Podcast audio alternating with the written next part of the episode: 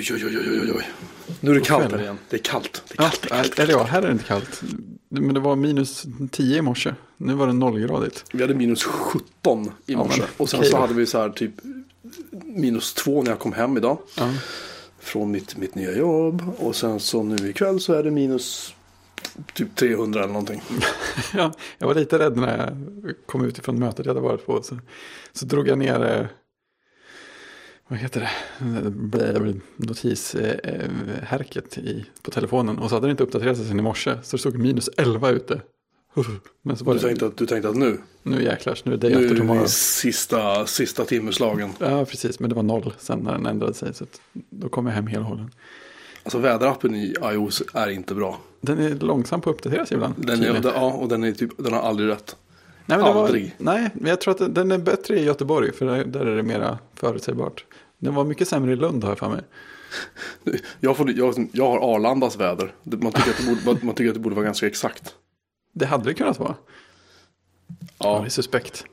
Ja, man mycket. får gratulera till nya jobbet va? Ja, tack, tack, tack. Tycker jag. Det känns, eh, det känns fint Ja. att bli en systemadministratör Ja, det är stort. eh, på heltid på ett och samma företag nu. Eh, För det är ju så, vi ställde ju en fråga. Mm. Och vi har då fått ett mejl ifrån Magnus Tärning. Jag tror att han uttalar sitt efternamn Tärning i alla fall. T-H-E-R-N-I-N-G. Yes. Tärning. kanske. Ehm, och, han, och vi diskuterade ju då förra veckan det här med... eh, var det förra veckan? Ja, det kanske var förra veckan. Ja, det Ja, var förra veckan. Helt Eh, extremt. om det här med att jobba som konsult kontra att sitta som fast anställd. Ja. Vilket man föredrar och, jag gjorde ju då ingen hemlighet av att jag är ganska trött på att vara konsult. Och Fredriks, eller Magnus förlåt. Vi är så lika så här på håll. Ja men alltså det, jag vet inte. Ni som, ni som bröder. Ja, Magnus skriver så här. att Sedan i somras har jag ett vanligt, riktigt jobb igen.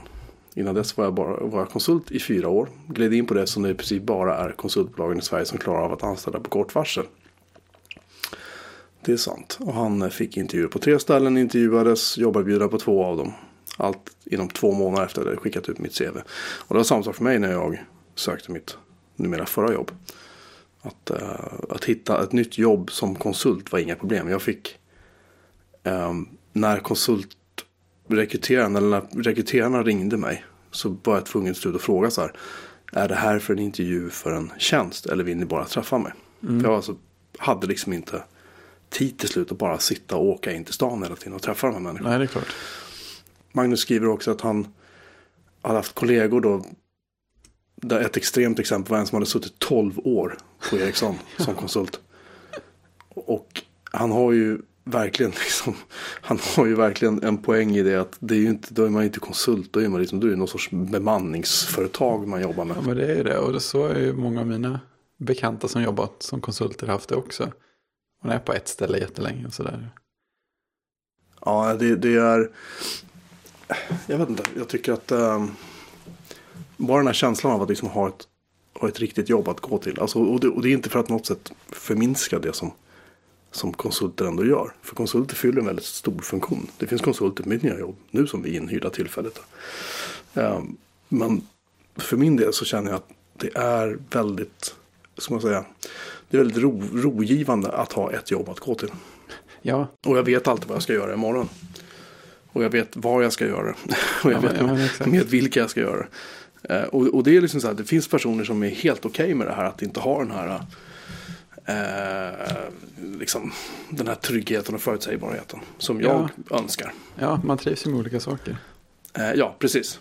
Eh, Magnus har en väldigt bra poäng i sitt mejl när han skriver då att han skriver så här. Sen tycker jag att det finns en hel del konstiga saker med den utbredda bemannings konsultverksamheten i teknikbranschen. Och hans punkter är då, den gör att en stor del av arbetskraften inte har sin första lojalitet mot företaget de arbetar på. Nej, och det är ju sant. Ja, och sen kommer Åh, det kommer så bra. Han har så bra, han har så bra punkter där. Eh, den bidrar till acceptans av dålig planering. Helt rätt. Därför att du kan ju bara ringa in en konsult. Jag hade ett uppdrag där jag blev inringd. Eh, där det skulle sluta ett antal tekniker på det bolaget som hade varit där jättelänge. Och de skulle sluta två veckor efter att jag hade kommit in. Och då skulle jag lära mig allt de kunde. Ja. I princip.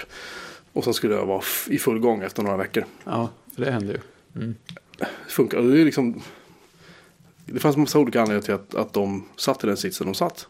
Det är svårt att Ja, rekrytera och så. Så att, liksom, all respekt för det. Men, men Ja, ja, det är helt, kon- helt omöjligt att man bara kan ringa in en konsult och säga ja men här är en seniorkonsult, bra, kör. Ja, ja men precis. Det, det är inget konstigt alls att man hamnar i sådana såna situationer. Nej, så- att, att, att tänka att man ska kunna lösa det på ett bra sätt genom att bara ringa in någon. Det är ju det är optimistiskt. Precis, och sen har du ju också då vilken typ av konsult är du då? Är du den som sitter där och håller tyst och bara så här mm, låter timmarna gå liksom?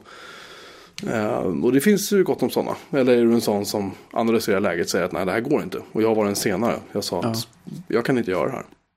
Och eh, det var ju inte direkt poppis Nej, kan man precis. säga. Men, men jag valde liksom likt Karl-Bertil Jonsson på julafton rakryggat yppa sanningen. Ja, ja, men exakt. Och det är ju egentligen- det, är det som är det viktiga egentligen. Eller det är så det borde vara. Det är så det borde vara. Men det finns ju men inget ju- inbyggt i själva jobbrollen som, som drar åt det hållet egentligen. Nej, egentligen inte. Egentligen, alltså det, det handlar ju till syvende om du ska, fylla, du ska fylla ett antal timmar. Oavsett om du jobbar för dig själv eller om du jobbar för en konsult, liten konsultfirma eller stor konsultfirma. Det handlar om att du måste fylla dina timmar så att du drar in din kvot. Så. Och då värderas ditt arbete av din egna arbetsgivare, inte utifrån vilket jobb du faktiskt gör. Nej. Utan det värderas, tycker jag då, hur, utifrån hur många timmar du drar in. Och sen kan ju konsulten, sen kan ju kunden säga, vi är jättenöjd med Fredrik. Han har gjort ett jättebra jobb på det här uppdraget. Eller Nisse eller Olle, de är jättebra. Men vi behöver dem inte längre, så därför så får de gå hem nu. Ja. På liksom typ en veckas varsel eller Ja. två veckors varsel kanske. Det kan ringa in någon annan. Nej, det funkar ju inte riktigt så. Och då, och då kan man ju tänka att okej, men jag har gjort ett jättebra jobb, men jag får ändå inte vara kvar. Och det, det kan ju kännas lite jobbigt. Och det är, Ja. väl, det, det är väl det jag tycker är mest intressant, att man då i sin arbetsgivares ögon, då kan arbetsgivaren säga, okej, bra, men alltså, kunden är nöjd, du har gjort bra jobb, men nu är uppdraget slut, måste vi hitta ny, nytt uppdrag åt dig. Japp. Eh, eller också kan ju de tycka att jaha, nu blev det väldigt jobbigt här. Liksom, för att de kanske inte själva har den framförhållningen. Jag har jobbat för alla typer Ja. av, av konsultfirmor. Och sen har vi den, den sista punkten i hans lista, fyrpunktslista som jag tycker är väldigt bra. Han skriver så här. Den gör att lagar runt anställning kan kringgås. Ja, och det är väl en är det. väldigt stor del av det. Så är det definitivt. Ja. Jag kan tänka mig att den här bemanningsbranschen som många sitter fast i, alltså där man inte ens har ett, liksom en, en fast lön när du sitter på bänken. Vilket ju de flesta IT-konsultfirmor har i alla fall. Mm.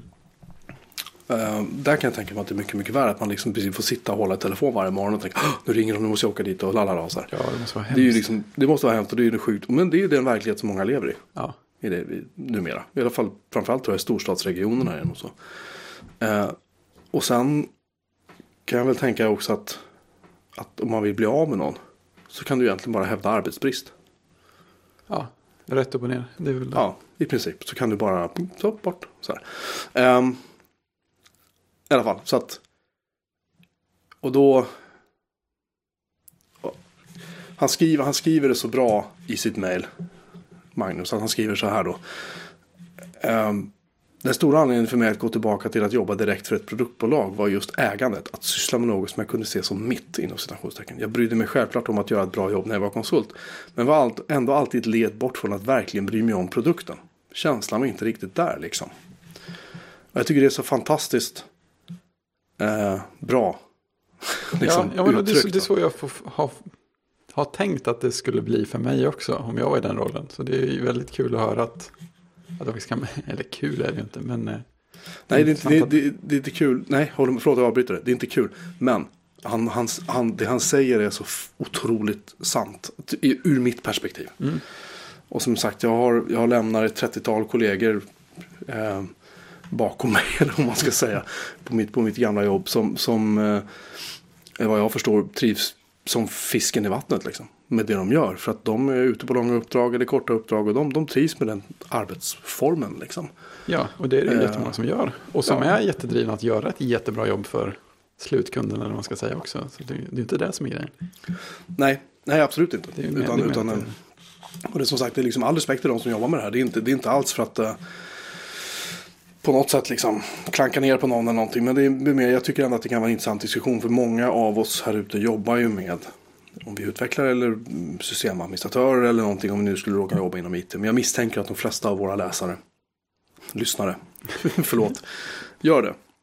Ja. Vi noterade att mycket av vår feedback, feedback-mail vi får har folk PGP-signaturer eller liknande i sina signaturer.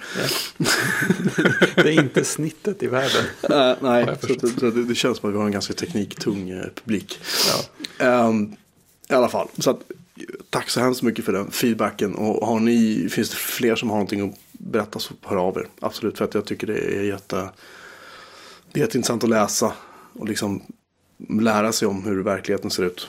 Ja, Utan, verkligen. utanför vår lilla begreppshorisont. Liksom. Ja, man tror att man har en bild. Eller ja, en bild har man ju, men man har ju bara sin egen jämt. Den är ju oftast mycket snävare än, än man vill tro. Så är det definitivt.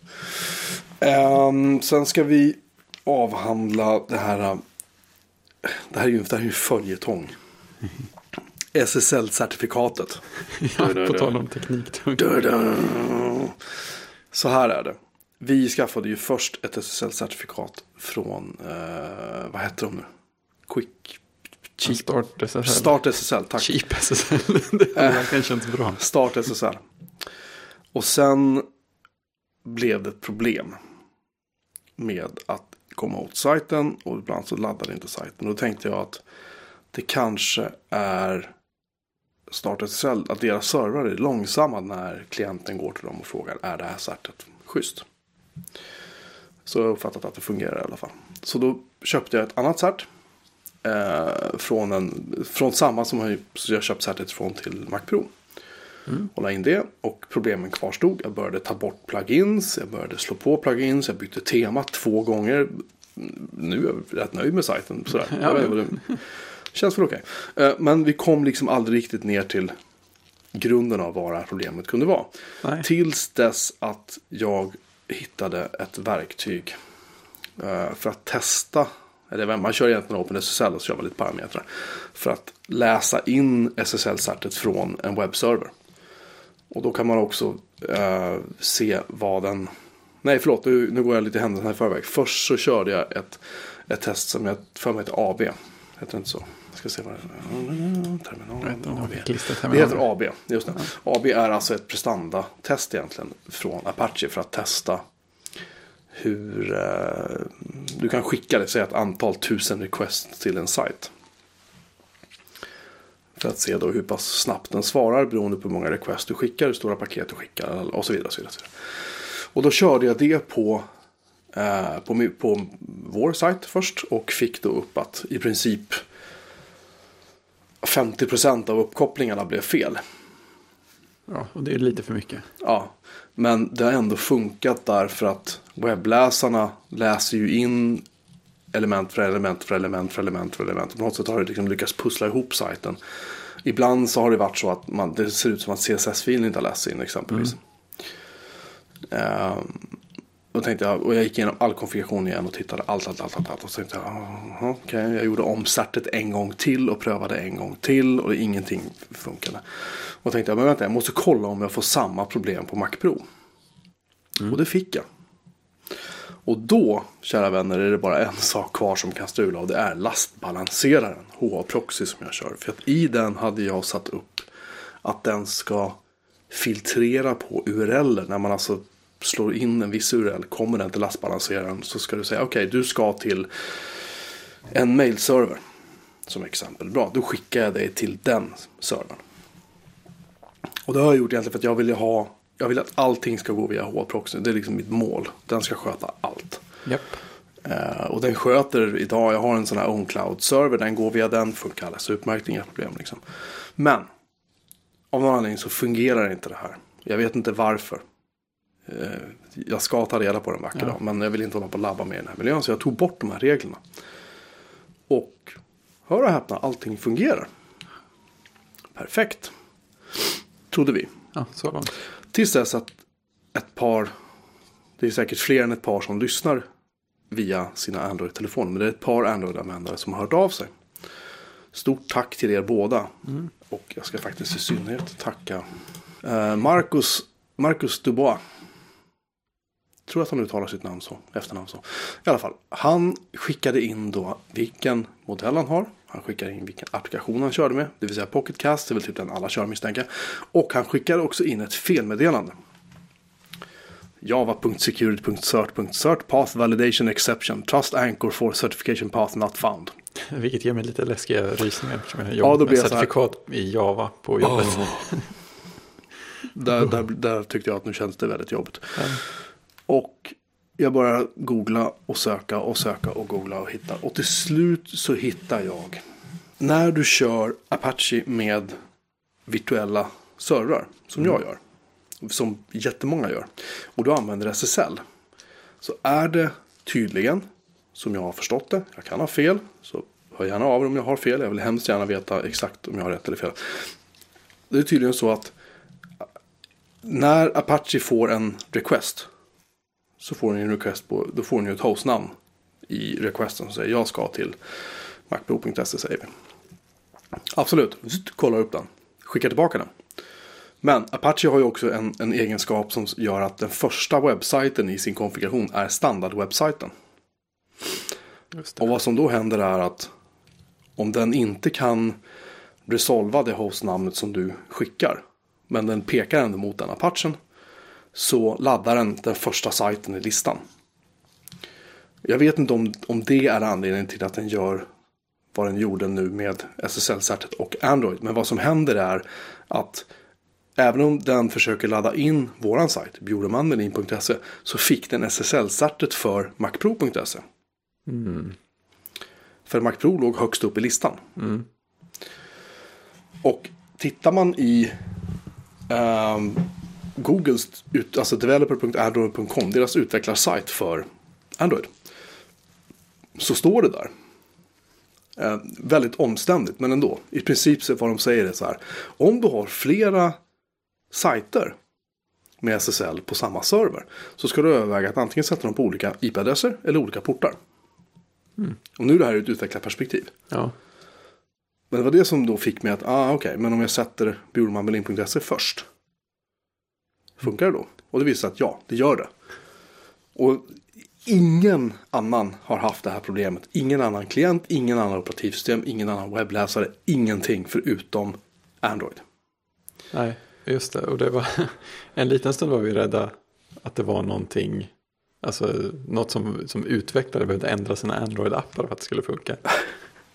Det hade väl kanske varit lite förmätet av oss att förvänta oss att de skulle göra det. Ja, nej, men ja, ett tag ja. var inne på, visst hittade Ja. du något dokument med något så här SSL-fel som, som just då i alla fall lät som det problemet vi hade. Ja, det och så stod det så här, ja man får ändra i sin kod så här.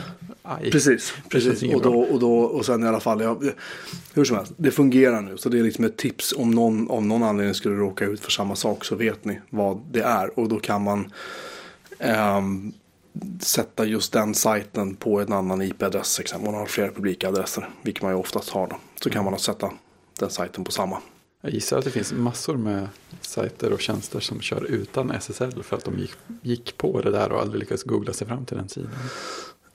Det vågar jag inte svara. Jag vågar inte ens spekulera det om jag ska vara ärlig. Det vore Nej. tragiskt om det vore så med tanke på att Google som faktiskt äger Android själva går ut och säger att nu är det SSL som gäller. Liksom. Eh, och alla sajter som har SSL kommer vi att ranka högre i vårt index än de som inte har SSL. Så att det blir lite konstigt. Samtidigt har de också sagt till Apple-utvecklarna då att "Ja, men hörni, ni ska inte SSL-säkra annonser från oss för att det funkar inget bra. De har säkert ändrat det nu men det var ju ett tag när de, när de, om man körde med Googles annonser i sina iOS-appar. Och Apple vill ju då att allting ska vara HTTPS. Jag för mig att det var så. ja, det. Var någonting med det där. Så att, eh, ja, det, var, det är lite lustigt. Men skitsamma, nu har vi löst det. Så att, stort tack för alla som har hört av sig. Stort tack ehm, till ehm, Marcus Dubois som hörde av sig framförallt med, med felmeddelandet. För det var det som liksom gjorde att yes, nu har vi någonting att gå på. Sådär. Ja, ja ett, Och han- ett, och han, felmeddelande gör, gör så mycket ibland. Ja, precis. Och i och med att ingen av oss har Android-enheter så var han också väldigt vänlig att testa så att det fungerade. Ja, Och det var väldigt snällt. Så stort, stort. tack Marcus för din hjälp. Och jag hoppas att, eh, hoppas att det här är det sista vi hör om det här SSL-certet. ja. de bästa, bästa grejerna med SSL är de man inte, de man inte hört talas om det. Jag har en annan Nej. viktig uppföljning. Ehm, ja, vad har vi mer att följa upp? Jag har det mycket. här. Jag har det här. Hörs det? Gamla möss. Aha, du Ja. sit, sit, sitter du med den där? Ja, jag var ju tvungen att gräva fram min, eh, min Apple Wireless Mouse. Det visar, jag, jag hade ju någon slags känsla av att den inte funkade som den skulle längre, men det gör den. Så jag kopplade, jag kopplade in den till min dator och la den på den fantastiska Sun Microsystems metallmusmattan jag fick av dig som julkort eller julklapp. ja, just det. Ja, så nu, nu, nu använder jag den till min Mac Mini och det är ju rätt mysigt alltså. Det är oerhört retrobesvärligt att behöva liksom göra den långa resan till fönstrets scrollbar för att kunna flytta runt sig. Men eh, det är ändå en, en trevlig mus för det lilla den gör. Här, helt okej tyngd och man kan, man kan vila handen på den. Det är helt fantastiskt. Det kan man inte göra med någonting med massa touchkänslighet överallt. Man vågar inte riktigt. Det finns ord för sådana som dig. Nej, det hoppas jag verkligen inte. Chattare. Aha, sådana. men det, det tror, det, den rollen tror jag vi kan trivas i. Tills inkvisitionen kommer i och för sig. Ingen förväntar sig. Nobody expects the Spanish Inquisition. Nej, precis. Ehm, vad har vi mer? Eh, just det. Så du tänker alltså seriöst fortsätta använda den här musen? En stund i alla fall. Jag är rätt övertygad om att, det inte kommer att hålla i längden. Men eh, alltså jag, jag tänkte att ja, men jag, jag klickar runt lite med den så lägger jag väl undan den i skåpet igen. Men sen har den blivit liggande på skrivbordet. Och jag har fortsatt använda den hela veckan när jag varit i den här datorn. Så att något fel är det ju. Mm. Eh, sen har vi feedback om Steve Jobs-filmen. Ja, var kom den in? Ja, den är högst upp i listan. Du, jo, hoppade, du, du, du gick händelserna i förväg. Ja, vi har ju diskuterat lite grann hur illa jag tyckte om Steve Jobs-filmen. Jag skrev ju en, en recension om Steve Jobs-filmen. Eh, som, ja. den, den, den mottogs med blandade, liksom. hur ska jag uttrycka det? Blandad kompott om vi säger så. Ja, Leif Molin hörde av sig till mig. Okej. Och han är av oss, alltså han... ehm, jag tyckte att den här filmen var ganska kass. Mm. Ehm, och jag tyckte då att den var väldigt ytlig och väldigt... eh, eller inte ytlig, jag tyckte bara att den, den kändes väldigt krystad. Det Ja, kändes som att det var det. väldigt mycket påhittat. Det kändes som att det inte var liksom... Ja, mycket hoptryckt på Mycket samma ihop, yta. ja precis. Precis som att de behövde trycka ihop massa händelser som var i hans liv i de här lanseringarna. Och problemet för mig var väl lite grann att det faktiskt var faktiska lanseringar som de sen förvrängde liksom. Det var väl det kanske då. Men Leif presenterar då en annan teori. Han tycker då att eh, eh, att det är ett porträtt av en konstnärlig visionär som genom sin resas gång till slut kommer till insikt om att han ljuger inför sig själv om sina känslor. Eh, och det är väl en intressant, liksom att han, Leif tycker då att han, att Jobs i filmen under resans gång lär sig uttrycka den återhållna passionen som finns inom honom. Eh, Att han, eh, det fanns reflektioner där i filmen om hans känslor kring att vara adopterad och bortvald. Det är, så- det är också en grej som han tydligen har haft i filmen. Då har han en diskussion med eh, John Scully. Pepsi. Pepsi Scully. Ja. Pepsi-skallen. Eh, om, där han Scully bara frågar honom då. Eh, någonting i stil med just att ja men. Det här med att man är adopterad och så. Är inte det jobbigt? Jag har för mig att det var han i alla fall som hade liksom. Jag har sett så mycket film senaste tiden så det blir lite, lite buffrigt. Ja. Men i alla fall. Så att, och då, och då det är så här. Har det här verkligen hänt? Nej, troligen inte liksom. Eh, och. Eh, Leif skriver då att eh, det här, är, det här är en Platons dialog med Jobs som Sokrates. Jag har inte läst Platon eller Sokrates eller vad nu, om det är författare eller böcker har jag ingen aning om. Så jag vet inte. Jag tror honom. Ja. Eh, Allt för att gestalta Sorkins tankar om världen. Det är lite mer. Ja, Leif gillade filmen. Det var en väldigt djup analys han skickade. Och jag Ja. skickade tillbaka en, en, eh, en analys. Där jag skriver till honom att eh, jag tycker att de har tagit sig sådana enorma friheter med materialet. Och om de hade gjort en film om en karaktär som liknar Jobs Mm. Och tagit sig vissa friheter så hade det varit en annan sak. Men här är en person som inte har varit död i allt för många år. Och som inte var en stor militär eller en politisk ledare eller magnat av Donald Trump-liknande mått. Utan en person som visserligen var miljardär men samtidigt levde ett ganska blygsamt liv med kaliforniska mått mätt. Ja. Och jag hade hellre personligen sett en film om hans affärsliv. Den röda tråden från Apple till Next till Pixar till Apple. Liksom. Det hade varit intressant. Och nu som jag skriver då. Nu känns det som att de stoppar ner fingret i ett fortfarande ganska öppet sår. Och petar lite förstrött. Men har inte något större intresse av att ta reda på hur såret kom till bortom vad de kan göra en snaskig story om. Nej, nej. Det är väl min liksom, kärnanalys av den här filmen. Eh, och, och, och det sköna med film och med konst överhuvudtaget är att man kan ha olika åsikter om saker. Det är ju det Ja, som men gör det är så det. fantastiskt. Alltså de här går inte på tvären med varandra. De, de kan existera alldeles utmärkt samtidigt. Nej, precis. Och jag vill bara skjuta in det då att, att, att och det här är någonting jag har sagt sen jag började skriva produkttester för 20, då ska vi se. Vad är det nu? Vi är 2016 nu va?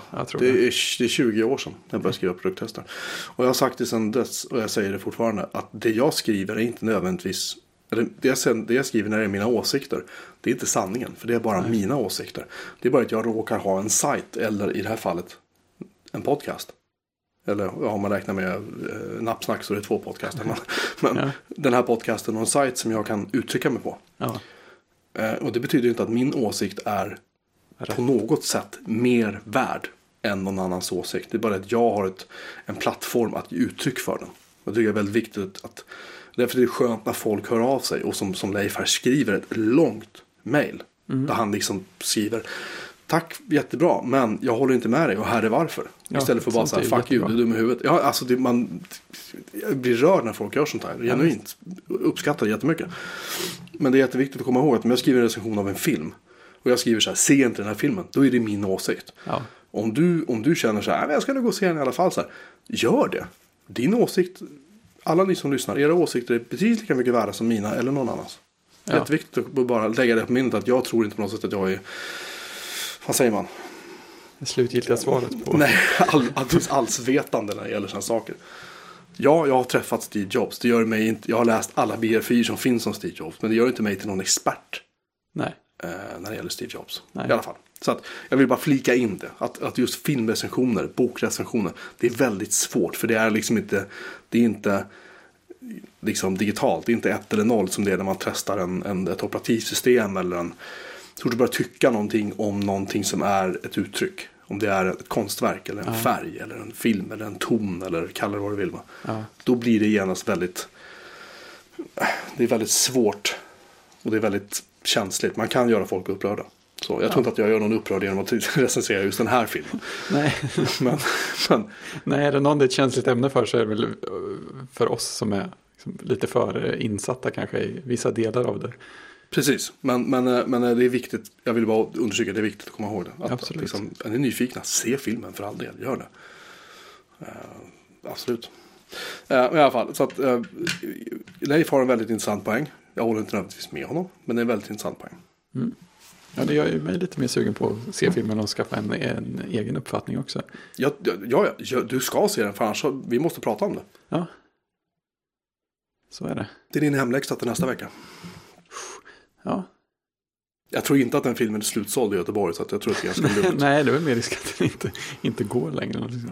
Men Det ska finns undersökas säkert, ordentligt. säkert att hyra någonstans på nätet eller något. Ja, undrar om den finns på iTunes. Jag tänkte säga det. Ja, oddsen för det är väl inte så jävla bra. Men... Nej, jag vet inte vad jag ska vänta mig riktigt på det. E-postklienter. Det här är ett otroligt spännande kapitel. Du tycker det? Ja, det tycker jag. Jag kan säga att efter att, efter att ha hållit på i en vecka med det där testet. För jag tänkte jag, jag skrev klart det igår natt. Mm.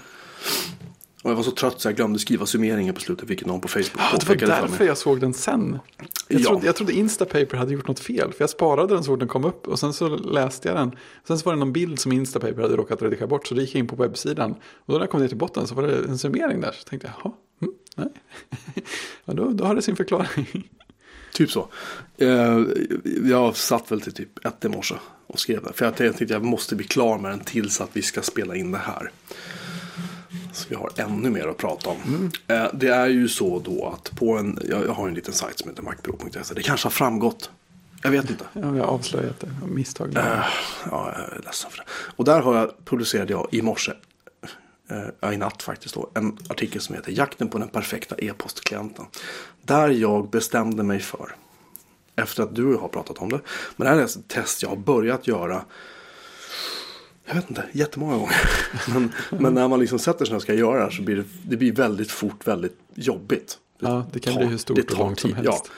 Och, ska man, och då har jag som sagt man köpt mail. En faktiskt e-postklient jag inte köpte var vad blir det, Mailmate. För den gick att ladda ner. Sen visade det sig att det går att ladda ner typ Airmail eller något sånt där. Eller det var Unibox också i någon demoversion. Men i alla fall Mailmate var den jag hittade. Så att Unibox och Airmail har jag köpt för 100 respektive 160 kronor styck. För att kunna göra det här testet. Ni kan tacka mig sen. Ta den för vetenskapen. Eh, och jag har testat då Apple Mail, Outlook 2016, Thunderbird, Mailmate, Unibox och Airmail 2. Och det jag kommer fram till i det här testet, och vi ska bara summera det snabbt. Antar jag, vi ska inte sitta och läsa för det är, det är ganska långt. Vi behöver inte högläsa hela. Eh, nej, Eh, Apple Mail är liksom fortfarande den här schweiziska armékniven som inte riktigt gör någonting riktigt bra. Men den funkar. Men den är liksom, den, hade, den behövs, den behöver få mycket kärlek liksom. Outlook 2016 tycker jag jättemycket om. Problemet är bara det att den går inte att synka med CalDAV eller CardDAV. Det vill säga för kalender respektive kontakter. Är att den lite är liksom, ja, det gick förr i tiden. Men, och, och jag hade för fan att Microsoft hade tagit bort funktionen i Outlook 2016. Men det visade sig att Apple har tagit bort någon funktion som gör, det hände tydligen redan i Lion. Eh, och jag har inte uppdaterat testet om det, men jag ska göra det. Eh, Tydligen är det så att Apple har tagit bort möjligheten att kunna synka data i adressboken och i kalendern. Med Oj. andra applikationer i operativsystemet. Det var ju extremt konstigt. För det var den funktionen som Outlook 2011 använde tidigare. Så att eh, Microsoft har helt sonika bara tagit bort en funktion som inte fungerar längre. Ja, Och det tycker jag är spännande att Apple låser in det på det sättet när de ska vara så öppna. Men det är skitsamma. märkligt. Ja. Sen har vi Thunderbird som är... Som gjorde ett litet extra avsnitt om.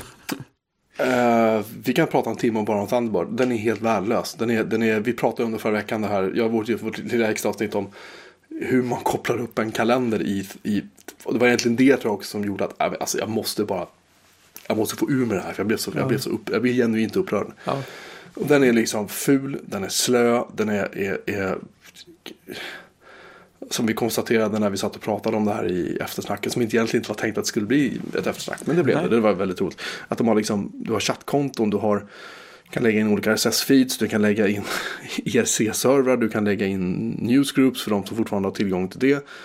Du kan välja vilken sökmotor du ska använda. Och där finns ju som jag skriver i artikeln, varken Google eller, eller DuckDuckGo finns med. Men däremot finns Yahoo, Amazon, AOL Web Search, Ebay, Twitter Search eller Wikipedia. Alltså, vad är det man söker ens? Jag vet inte, jag har inte, jag har hitt, inte jag har inte hittat något. Nej. Ehm, Då borde man kunna ställa mycket fler sökmotorer om man ändå inte hittar någonting. typ så. Ja. Och det, och det är så här, Thunderbird har funnits sedan början på 2000-talet. Och, sen, och för OS 10 sedan åtminstone 2004. Och det är liksom det är 12 år pratar man om. Det är ganska imponerande. Alltså det, det är så. För Mm. Ja, det är 12 det. år sedan, om den hade sett ut så här för 12 år sedan. Vilket den troligtvis gjorde. så, så hade den varit liksom, hade varit skitbra. Ingen snack. Nej. Men problemet är att nu är, vi, nu är vi vid en punkt här i livet där det här lägg, alltså, den, här, den här är i praktiken nedlagd just nu. Därför att Mozilla själva säger att vi vill lägga allt krut på Firefox. Och Thunderbird är någonting som vi har inte tid med. Nej. Och den lider av det och Firefox lider av det. Så därför så jobbar de nu på att liksom knuffa ut eh, Thunderbird Mm. från Mozilla helt och hållet. Att det ska bli en sorts enskilt projekt på något sätt. Jag vet inte riktigt hur det här ska gå till. Nej. Men det som än så länge har framkommit är att de håller nu på att arbeta på att man ska under i år ska det bli möjligt för enskilda användare att donera pengar till den fortsatta utvecklingen av Thunderbird. Undrar om de kan Så, plocka någon. jag säger spara de pengarna och, och låt Thunderbird dö. Ärligt talat. För att jag tror att om man ska vara krass. Det är en, väldigt, det är en, det är en dålig e-postklient. Bara en sån grej som vi konstaterade att jag skulle skriva in lösenordet när jag skulle skapa konto. Och den säger lösenordet fel. Och sen visar det sig att när jag skiter i det och går vidare så bara ja men titta nu börjar jag synka mejl. För lösenordet var inte fel. Det, fel Det, det. det, är en liten grej, men det är så här, för, en ny, för nybörjare är det här helt avgörande. Vadå? Ah, panik, Vadå? mitt Ja, lösenord ja, funkar inte. Mitt lösenord hack- trasigt. Jag Ja, har blivit hackad. Internet är dött. Ja, men du vet, vad som Ja, helst. Och, och sen tror jag också att i och med att Thunderbird, Thunderbird på Mac tror inte jag är en särskilt populär e-postklient. Men på Linux är den ju ganska populär, för det finns inte lika många. Men jag tror att Nej.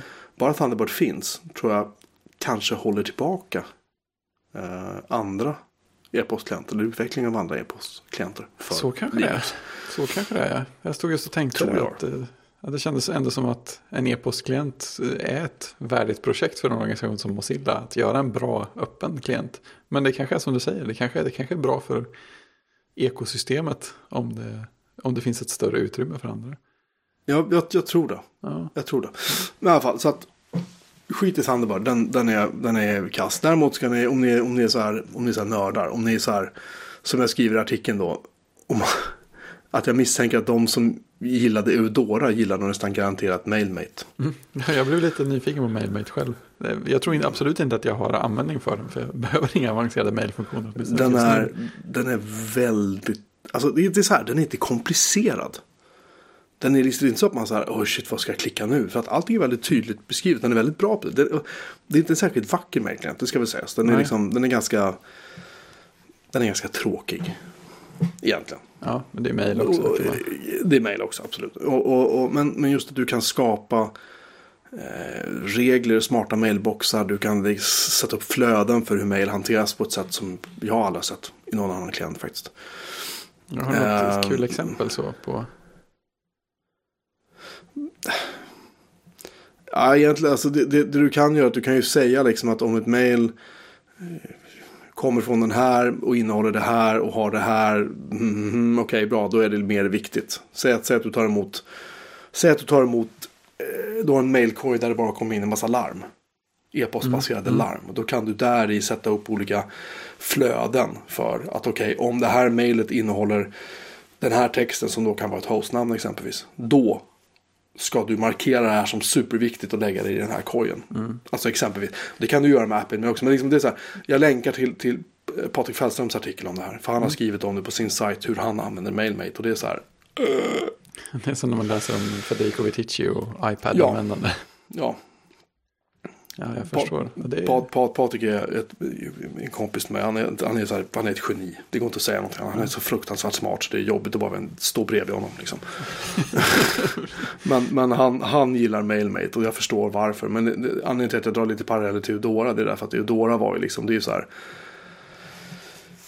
Det är ju liksom den, alla komplicerade e-postklienters ömma moder. Liksom, det är Eudora. Där det fanns liksom det fanns inställningar som du inte ens kunde komma åt om du inte pastade in vissa liksom typ länkar. Mm. Eh, I ett meddelande och sen klicka på dem. Då fick du upp inställningar. Och det var ett, det, jag, vet, jag jobbade på ett ställe där han, han som var it-chef, han hade bestämt att alla skulle använda Eudora för han använde Eudora. Och det var så här, jag, jag satt där och bara så här, ja nu har jag satt upp mejlen. Han bara, nej nej nej, de satte upp någonting.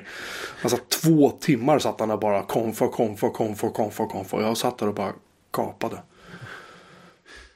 Första andra, gången, första gången jag använt Eudora faktiskt. Jag tar inte, nu är den nedlagd sedan länge tack och lov. Men, men i alla fall, Mailmate kostar 50 dollar. Den är, den är liksom inte den snabbaste, det är inte den snyggaste. Men den kraschar inte. Den gör inga dumheter med min mail. Skitbra liksom. Ja, så, och väldigt, eh, det, finns, det finns pluginer eller bundles som de kallar det för allt från BB-edit till Physical till Apples inbyggda kalender till Evernote till GitHub till Macvim till Mailman, Omnifocus. Ja, sånt finns listan tar aldrig slut. Liksom. Roligt, roligt. Så ja. vet jag att om jag skaffade den skulle jag titta där och säga, roligt. Och så skulle jag inte göra något med det igen. Men, jag, jag säger så här, jag drar lite parallellen till att det här är, det här är, är det här är mail, mailklienternas version av Omnifocus. Ja, eller, eller någon sån här stor texteditor, typ Sublime ja. eller Textmate eller något. Du kan eller, eller, eller BB-edit kanske. Ja, ja, just det. Sant, um, ska dra det riktigt. I alla fall, så att det här är inte, det här är inte en klient som man bara sätter sig och kör. Man måste, liksom, man måste ta sig tid. Mm. För det kommer, det kommer att löna sig. Jag har, inte, jag har inte den tiden ännu. Men jag Nej. hoppas jag hittar den någon gång i något liv. Ja, det, är spännande, det var en spännande grej också. Det känns som att ja, över tiden så kanske den blir favoriten. Men eh, den har ingen möjlighet att bli det sådär snabbt. Nej, alltså jag har kvar den. Jag har inte köpt den. Men jag har kvar den på, på hårddisken och, och um, vi får se. Sen har vi en e-postklient som heter Unibox. Och den, den är så här. Den är, den är så hipp så det liksom går inte att... Åh, den är så hipp. För där listar du nämligen då per dag och sen har du då vilka som har skickat mail till dig. Och under dem finns då en mailkonversation exempelvis som du har haft. Då just den dagen. Och sen kan man även scrolla längre ner i den listan då om den sträcker sig över flera dagar. Det gör liksom ingenting. Men tanken är då att du ska, du ska sortera mail på avsändare istället för att bara ha en inbox. Att det ska göra att du får mera en bättre översikt. Ja, och det, och, det är intressant. Det är intressant. Jag köper det konceptet. Om man inte har väldigt mycket mail från väldigt många avsändare. Exempelvis om man prenumererar på en massa e-postlistor. Ja. Då kan det här bli väldigt rörigt väldigt fort. ja, vad gör du när det är många inblandade i samma? Det blir jättemånga avsändare. Oh. Det är det som är grejen, det är det den går på. Ja. Nu tittar vi på frontfältet bara så, okej bra här är ett namn som, bra, visa det liksom. Ja. Eh, och, den, och, den, och den visar liksom, om man har pastat in någon, någon eh, man har pastat in någon fil exempelvis i en bild exempelvis i, ett mail och visar den upp det väldigt snyggt. Man kan, man kan eh, ta upp lite olika typer av vyer på mail. Då kan man få upp exempelvis alla bifogade filer. Vilket är skitsnyggt om det är mycket bilder. Är det däremot en textfil eller någon Excel-ark så kan du inte se någonting vad det är. Det är bara en ful ikon. Liksom. Så att där spricker det lite grann. Så det, det, det, är gjort, det är gjort för de som jobbar mycket liksom med, med mediafiler. Det är, gjort, det är mycket eye candy i det här. Eh, Annars stabil, bra applikation, inget snack om det. Den gör sig garanterat bättre på en notebook med rätterna-skärm. Än på min gamla 30-tums Cinema Display. Liksom. Ja. Använder inte platsen riktigt eller? Den, nej, jag tycker inte att den... Jag tycker inte att, att det, det, ty, alltså det sättet den sorterar och hanterar mail på är gör inte mig effektivare. Nej, det är ingen, eh, ingen eh, proffsanvändarklient så. Nej. Nej. Eh, och det vet jag inte om man kan säga att AirMail 2 är heller. Men det jag gillar med AirMail 2 är att den är snygg och den är logiskt uppbyggd. Den är ganska minimalistisk men inte minimalistisk så som Sparrow var exempelvis. Utan här har de tagit ett steg längre. Det är, det är visuellt men det är liksom inte överdrivet. Det är väldigt återhållsamt. Det är lite grann som, som Pixelmator är. Alltså i det förhållandet. Den är, den är tight men liksom inte oanvändbar. Och det är det jag gillar med den. Att den är, jag hittar nya saker hela tiden. I, i AirMail som jag tycker är jävligt schysst liksom. Ja, det är härligt. Och framförallt så gör det att jag hanterar mail mycket snabbare. Ja, du gillade att snosa. Snosa är jättebra. Snosa-funktion, tack för att du tar upp den. Den är jättebra. Snosa-funktionen är en sån där du kan högerklicka på ett mail och säga jag, tänker, jag kan inte ta hand om det här just nu, men jag kan ta hand om det om tre timmar. Eller imorgon, eller det här datumet. Måste jag agera på det här som står i det här mejlet. Istället för att göra som jag har gjort. Det är därför jag har liksom 250 oplä- 258 olästa mejl ner på klientfrågan. Det är därför att jag, jag markerar dem som olästa och så tänker jag ta hand om det här sen. Ja, Men problemet är att sen har det kommit ytterligare 40 mejl. ja, Så det här blir helt ohållbart. Och sen någon gång varannan månad så tänker jag att okej, nu ska jag gå igenom det här. Och, mm, mm, liksom. och så gör jag det och så är det människor som sitter och väntar på svar jättelänge och så får jag dåligt samvete. Ehm, men snus till undsättning. Snooze är jättebra. Funkar. Eh, och det är liksom, jag, jag, jag, jag, jag bara, jag bara, hur ska jag säga? Man bara börjar använda det här med L2 och så bara fortsätter man med det. Mm. Och det finns, det finns säkert funktioner som jag inte har hittat än. Men jag tycker att den, den kan också integreras med Google Drive, OneDrive, Dropbox. Man kan koppla in det till Wunderlist, eh, Box, Evernote. Man kan till och med koppla in AirMail 2 till någon LDAP-katalog eller Open Directory i OSD-server om man vill det. Om man vill komma åt någon sorts katalogtjänst för mailklienten. Vilket är, sitter du utanför en brandvägg så är det inte så jävla användbart. Men, Nej. eh, sådär. Ja, just det, finns liksom. på iOS också. Eh, ja, det gör det. Du kan synka inställningarna mellan OS10-klienten och iOS-klienten över iCloud. Ja, för det är sånt där som brukar, brukar inte folk säga att det är viktigt. Just när man har sådana här snosande e-postklienter. Att man kan köra samma på iOS. Att, Jo, och det är ju det här som är... Om du installerar, om du har iCloud och backar upp eh, inställningar och sånt från OS 10. Så kan du ju sen om du slår på iCloud på en, på en annan Mac. Så kan du ju då... ehm, så laddar du ner alla mailkontona som du har och slår på dem. mm, Men det gör den ju inte till iOS. Um, Vilket är lite irriterande. Men det gör AirMail 2. Den gör Ja. det. Och sen eh, den, kanske abs- och det här är ju en grej som jag, du kommer att gilla. Du kan skriva dina mail i markdown. aha, mm. jag, är- jag är med. Jag hör liksom hur du börjar droppa nu. Din mikrofon börjar bli blöt. Allt blir så mycket trevligt.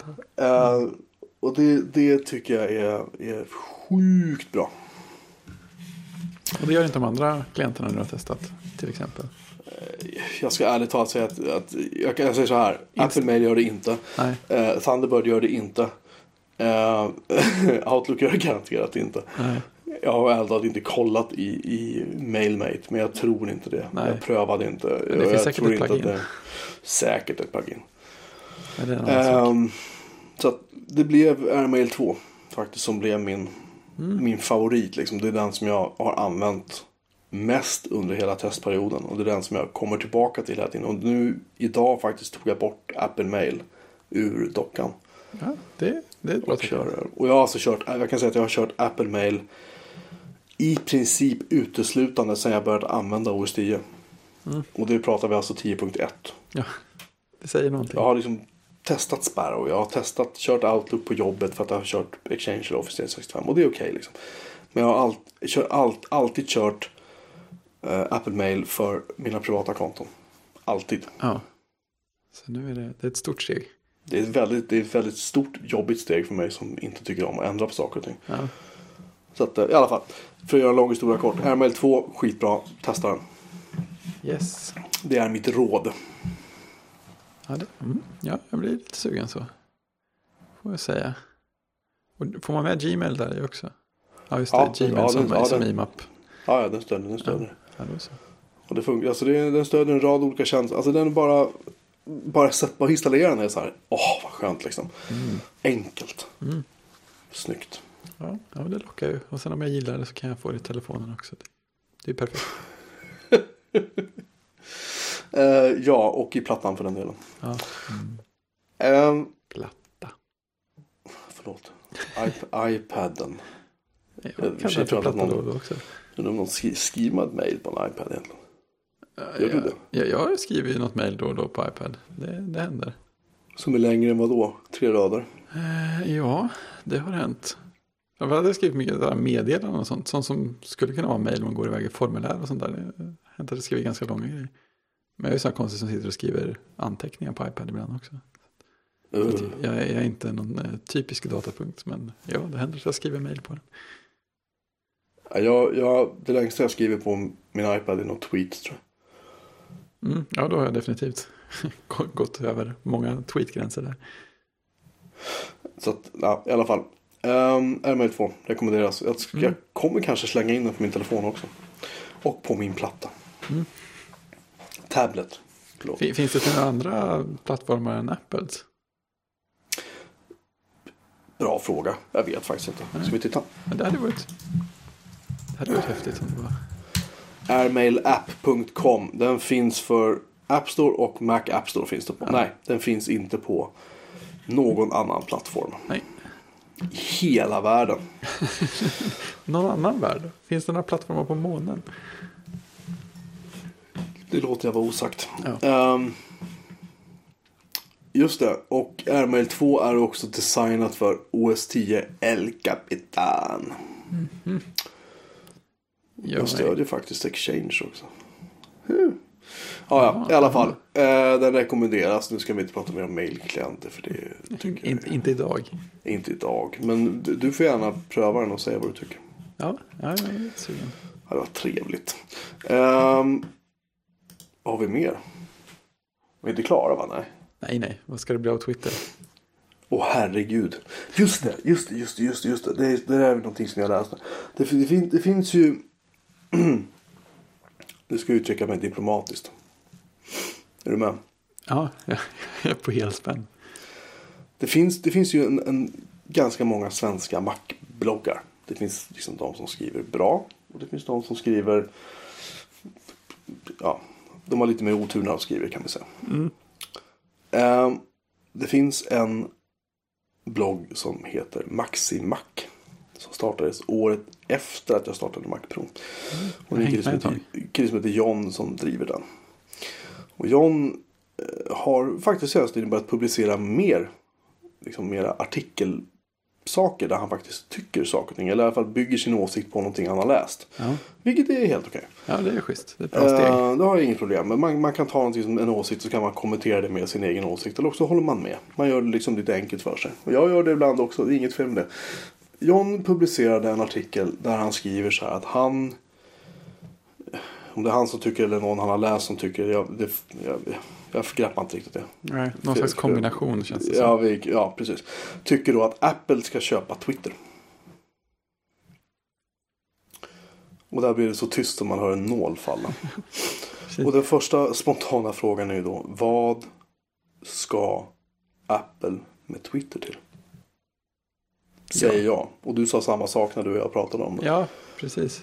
Det, det är det man undrar. Det, och så, så, så, läser man och så funderar man lite och så känns det som att det som det, det, det, det drar åt är egentligen inte att Apple borde köpa Twitter utan det är att jag vet inte, Twitter borde, borde slippa det här med att ha någon slags press på sig och tjäna pengar och göra investerare nöjda. Och de borde framförallt inte ha någon press på sig att förstöra själva kärnan av i tjänsten med annonser eller något annat jobbigt.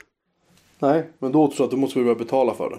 Ja. Eller också så måste Twitter bli en, en tjänst som är som vatten. Förstår du? Samma ja. tillgång till rent vatten. Ja men precis, det var ju där någonstans jag hamnade. Jag kände ja. att det man egentligen vill är att Twitter ska vara någon slags infrastruktur som bara finns och stöds. Och ja, alla kan gå in och posta vad de vill och det är, det är ingen, inget företag som äger det eller övervakar eller sätter några gränser.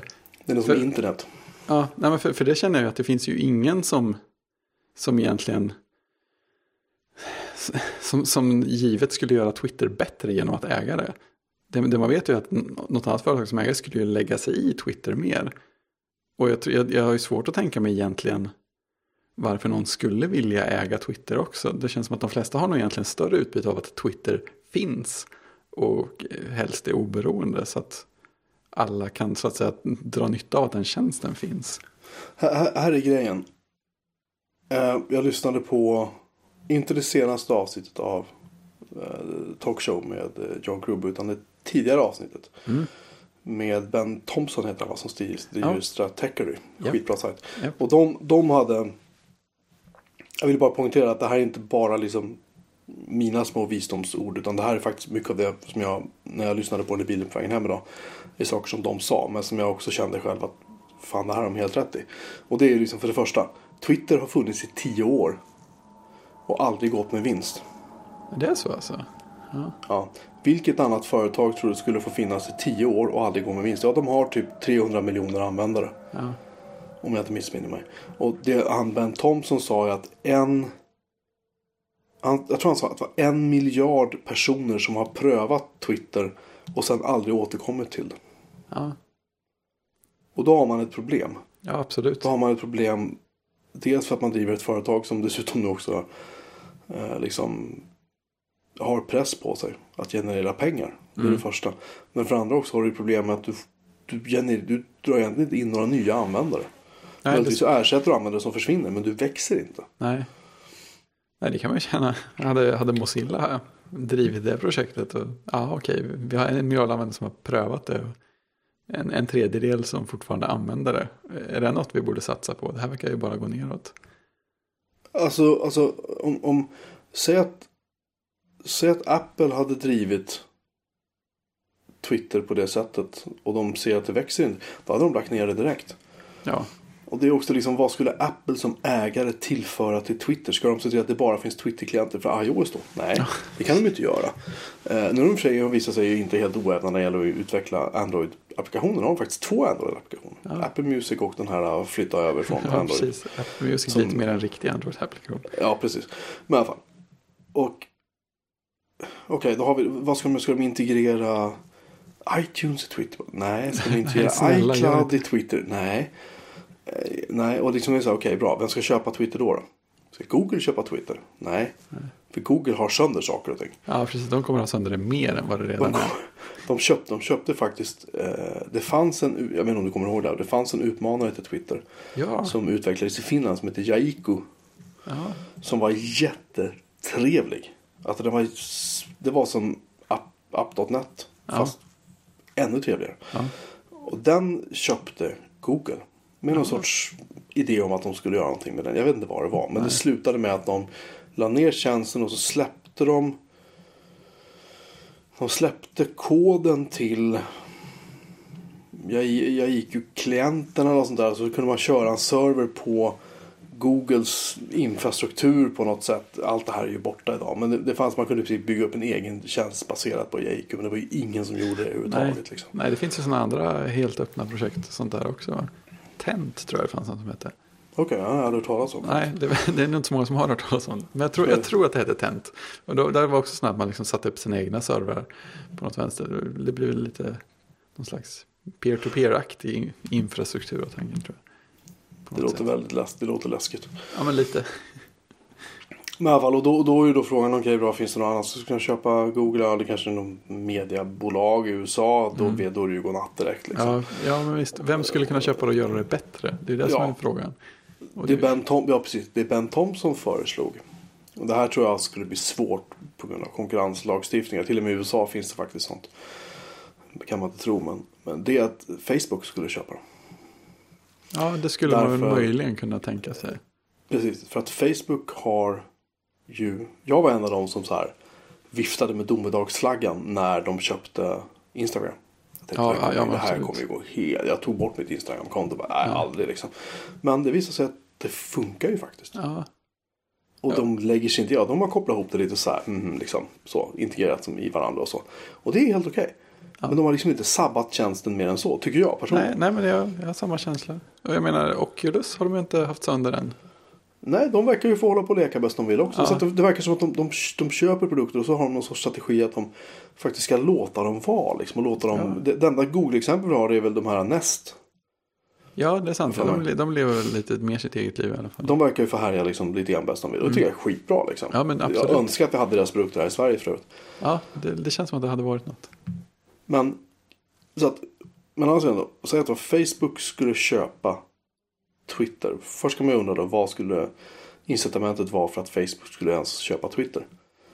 Eh, om Twitter har 300 miljoner användare och Facebook har, vadå, en och en halv miljard? Ja, det är något sånt. Där. något sånt? Ja, Alltså, Twitter tillför ju ingenting till Facebook egentligen. nej. De som har Twitterkonto har nästan garanterat också ett Facebook-konto.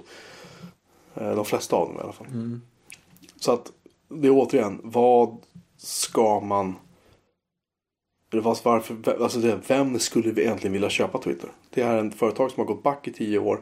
Det är ett företag som har haft under många år haft ledarskapsproblem. Det har varit extremt dåligt skött. Och det är fortfarande ganska dåligt skött även om den här uh, Jack Dorsey, grundaren, killen har kommit tillbaka. Då. En, en grej som jag tycker är jätteintressant från The Talk Show med han Thompson var att Har du hört det avsnittet förresten? Ja, då. Det, Ja. Kommer du ihåg vad han sa hur många iOS-utvecklare som Twitter har? Ja, det var några så här sjuka mängder ju. Var det, var det typ... 100, 100 iOS-utvecklare. Och tittar man på de som utvecklar Tweetbot Ja, de så är de tre. Och Tweetbot är en, en så mycket bättre klient Ja. än vad, vad Twitter själva kunde ha hackat ihop. Det är Ja, liksom ja, men det är det. Det är, det är så bedrövligt. Ja, Ja, alltså jag vet inte om jag skulle använda Twitter speciellt mycket om, det var, om jag var tvungen att gå in på deras, ja, deras webbgränssnitt till exempel. Om det skulle hända så skulle jag sluta använda Twitter. Ja. Och, och faktum är att via den officiella klienten eller via webbklienten. Där får du ju alla annonserna. Där får du alla de här. Nu vill vi visa dig de här tweetsen som vi tror att du är mest intresserad av. Här är en massa människor du kan följa. Ja. när du var borta så missade du det här. La, la, la, la, la. Men jag vill inte ha allt. Jag, jag vill ha min Twitter-upplevelse. Om ni måste börja visa annonser i tredjepartsklienter för att överleva. Det är en sak. Det kan jag, liksom, det kan jag köpa. Men mitt flöde är ni fan i rent ut sagt. Tycker jag. Ja, men jag håller på att flytta om det. Det är ju den där grejen som gör att man gillar Facebook mindre och mindre också. Ja. Alltså, de av oss som fortfarande är där av någon, någon Stockholmssyndroms anledning. Men, eh, nej, men så här, varje gång försöker härja med och liksom, ja, men försöker räkna ut åt mig vad det är jag borde vilja se. Så här, men jag har inte så mycket folk i min lista att, att ni behöver göra det. Låt bli. Jag går in när jag vill se om det är något nytt och då vill jag att det som är överst faktiskt är nytt. Och att jag kan bläddra mig ner tills jag hittar något jag sett innan och då vet jag att jag är klar. Kan jag Ja, precis. Det här, den här upplevelsen hade jag igår. Tror jag. jag satt, satt och såg någonting när jag scrollade på Facebook på webben. Och tänkte att men det där måste jag jag scrolla vidare. Så bara, vänta, jag, vill, jag vill gå tillbaka och så vill jag läsa om det där. Mm. Och jag kunde inte hitta det. Nej, jag flyttar på sig. Det är bara för att Ja, Det är så bedrövligt. Borta helt plötsligt. Alltså jag vet inte. Ja, det är kul att man kan ju ändra det där. Men Facebook respekterar ju inte den inställningen. Den glömmer ju bort det lite diskret då och då. Glömmer bort. Ja just det. Ja, mm. det, det är en bugg, precis som Så- batteriutnyttjandet på telefonen. Vi får dock inte glömma bort att Facebook är inte en demokrati. Det är liksom inte något nej, som vi alla äger. Det är ett företag. Det är ett börsnoterat företag. De har sitt största ansvar gentemot aktieägarna. Ja. Att tjäna pengar. De tjänar fruktansvärda pengar på Ja. att göra det de gör just nu. Så om det är någon glädje med allt det här är att de, vi vet att de kommer garanterat finnas kvar några år. Twitter däremot, ja, det skulle jag inte våga sätta pengar på. Jag tror inte Nej. att de kommer gå i konken. Men jag tror att de kommer att tvingas skära ner eller tvingas sälja sig till någon ganska ordentligt. Snart faktiskt. Ja, Eh, någonting. och jag kan också som parentes nämna att app.net faktiskt fortfarande är uppe. Ja, ja, de gjorde någon sån Ja. jätte nästan nedstängning för ett år sedan. Ja, de hade inte pengar nog. Nej. Helt enkelt. De fick inte in de investerarpengar de skulle behöva. De hade inte fått in tillräckligt mycket eh, medlemspengar. Efter första året. Första året fick de in hur mycket pengar som helst. Mm. De hade nog Kickstarter då som bara så här. Den Ja, gick gjorde taket liksom. Dog väl in så typ. Jag kommer inte ihåg hur mycket det var. I, det var flera miljoner kronor i alla fall. Men efter ett år så var ju stålarna slut. Ja, Och de där hade de hållit på använder- att flaxa runt. Och då hade de byggt socialt nätverk, en applikationsplattform. Och det var liksom allt. Det var i princip så här Twitter och Facebook i ett kändes som. Lite grann. Alltså med, med Facebooks applikationsplattform. man kunde köra appar i Facebook. Liksom. Det var lite, så, så uppfattar jag att de ville göra. Ja, det var ju lite den, lite den tanken som, som jag önskade med Twitter för en stund sedan. Alltså, vi, bygger, vi bygger infrastruktur ungefär. Man skaffar ett konto här som man betalar för och sen, sen har vi infrastrukturen så kan alla bygga fina saker med våra API. Och så. Så att ja, tanken är fin men det är, det är svårt att få rullning på den. Ja, för du måste ju betala för det. Det är Mm. det som är problemet. Ja. Appnet, Appnet blev ju gratis sen på, med vissa förbehåll. Men det var liksom i princip gratis. Mm.